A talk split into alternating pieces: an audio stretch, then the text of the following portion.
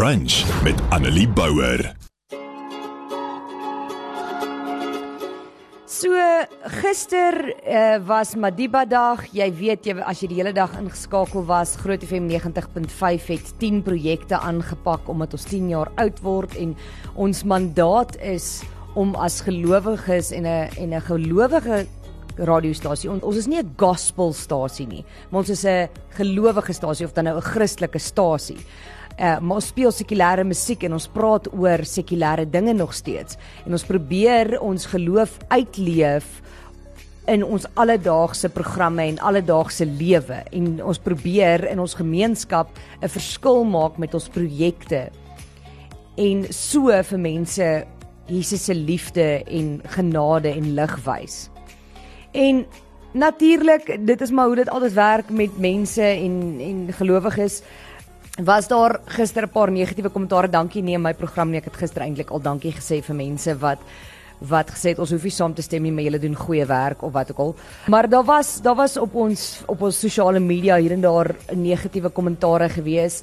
Iemand het op 'n stadium gesê ons moet meer eer aan die Here gee en nie aan 'n terroris nie. Iemand anders het gesê hulle kan nie glo ons, jy weet, probeer doen Madiba dag nie want hulle hou nie van hom nie of wat ook al en onmiddellik wou ek sak en as gaan sit. Onmiddellik was ek ontsteld en ongelukkig en het ek by myself gedink, "Jette, ons het ons probeer 'n goeie ding doen. Ons doen alles in die naam van die Here. Ons ons ons wil so graag sy hande en voete wees." En dan kry goeie soos hierdie mens onder. Ten spyte van al die goeie kommentaar, jy weet mos nou maar wat gebeur as daar negativiteit is. En onmiddellik wou ek op my perdjie spring en wou ek sê, "Oké, okay, goed, maar wat het jy gedoen?" So so jy jy kritiseer wat ons nou gedoen het. Maar wat het jy in die afgelope maand of jaar gedoen vir iemand anders? En toe ek daaroor gaan bid gisterand en met die Here daaroor praat, toe besef ek, "Jesus Annelie, dit gaan nie oor jou nie." Moes weer myself oor die vingers tik en sê, "Maar hierdie gaan nie oor jou nie." Maak nie saak wat mense sê van jou of van van Groot FM nie. Dit maak nie saak as jy nie saamstem nie. Dit gaan nie oor jou nie, dit gaan oor die verheerliking van God. En as almal dit nie kan raak sien nie, kan jy niks daaromtrent doen nie. Kan jy dit nie so persoonlik opvat nie en kan jy nie hulle oordeel nie want jy mag nie oordeel nie. En ek lees toe 'n stuk in 1 Korintiërs en ons verlede week eintlik ook 1 Korintiërs 1 gedoen, maar ek lees toe 'n stuk in 1 Korintiërs 1 vers 10 waar Paulus skryf aan die Korintiërs. En hy hy vra en hy smeek en hy sê mooi, hy sê ek doen 'n beroep op julle almal broers in die naam van ons Here Jesus Christus om eensgesind te wees. Daar moet geen verdeeldheid onder julle wees nie. Julle moet een wees in dieselfde gesindheid en met dieselfde oortuiging.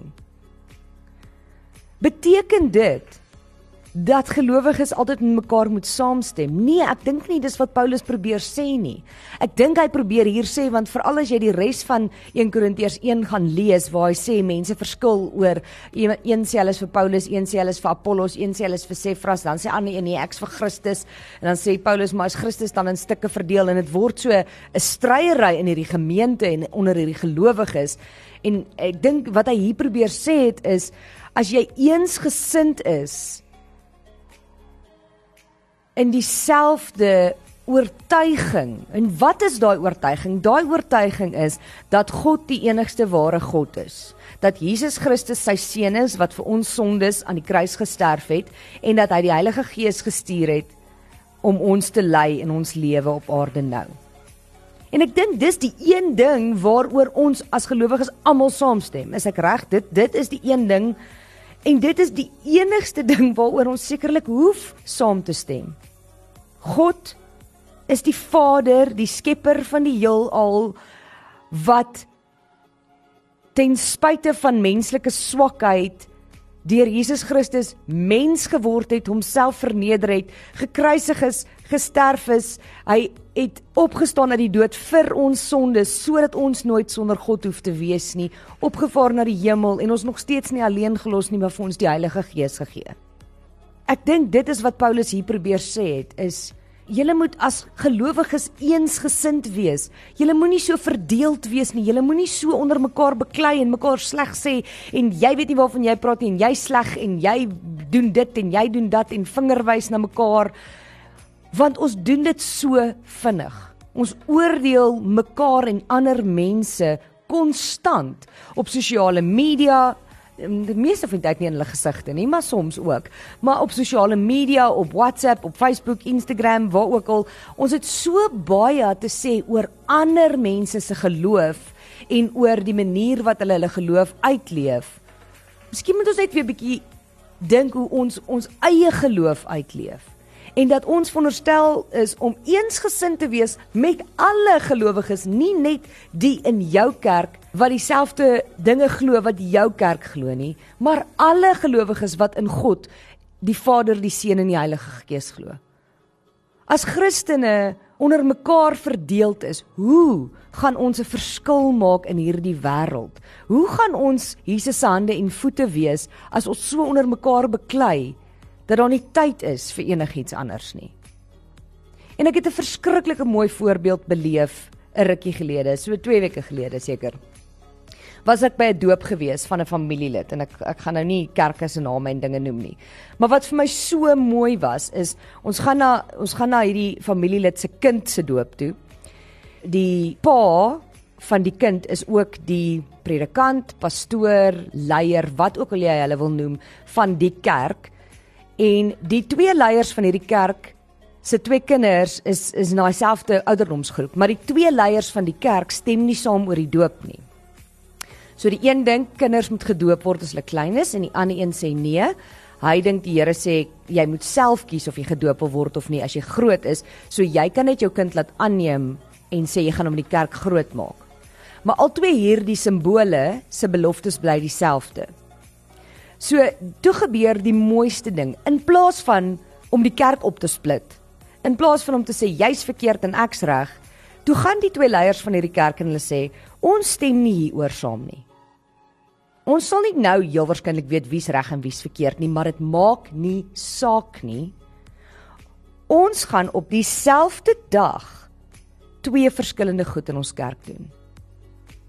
Die een het sy kind gedoop en die belofte gemaak om sy kind in van Jesus Christus en van God te vertel en in die kerk groot te maak. En die ander een het sy kind laat aanneem en as ouer beloof om hulle kind in hierdie kerk groot te maak. En dit was vir my so 'n mooi simbool van eensgesindheid onder gelowiges. Wat sê, weet jy wat?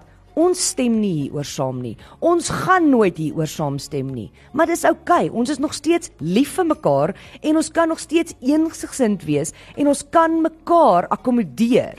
Ons hoef nie weg te breek van mekaar af nie. Ons hoef nie mekaar te kritiseer nie. Ons hoef nie mekaar sleg te sê nie. Ons kan mekaar op dieselfde dag ondersteun in dit wat jy glo reg is. Is dit nie hoe dit moet wees nie? So ek dink wat ek hierdeur probeer sê het is net dit wat ek self weer geleer het. Want die oomblik toe daar kritiek kom, het ek vir 'n oomblik weer net aan myself gedink en my eie gevoelens en en wou ek begin weer vinger wys. En besef maar dan doen ek presies wat hierdie persoon doen. Ek kan nie sê jy mag nie oordeel nie en hoekom oordeel jy dit wat ek doen terwyl ek dan dieselfde wil doen nie. Ek moet daai persoon in liefde aanvaar aanvaar dat hulle nie saam met my stem nie. Ek hoef nie saam te stem oor die manier wat hulle dit hanteer het nie. Maar ek kan nog steeds deur Jesus Christus se genade vir hulle lief wees en sê, weet jy wat, ons glo in dieselfde God. Ons hoef nie hieroor te beklei nie. Dis onsinnig. Ek gaan doen wat ek voel en glo die Here my lei om te doen en doen jy dan dieselfde. En ons kan nog steeds dieselfde oortuiging hê en eensgesind wees sonder mekaar heeltemal sleg te sê en uitmekaar uit te trek. So dit moes ek weer vir myself leer dat dit gaan oor meer as net my en my gevoelens. Dit gaan oor God en die verheerliking van hom en om Jesus se hande en voete op aarde te wees. En ek hoop dat ons die voorbeeld van daai kerk waar ek was, wat nie my kerk is nie by the way, maar waar ek was, kan volg en kan sê, weet jy wat? Dis oukei. Okay. Ons hoef nie saam te stem nie, maar ons is nog steeds lief vir mekaar en ons glo nog steeds in dieselfde God. Op Groot FM 90.5.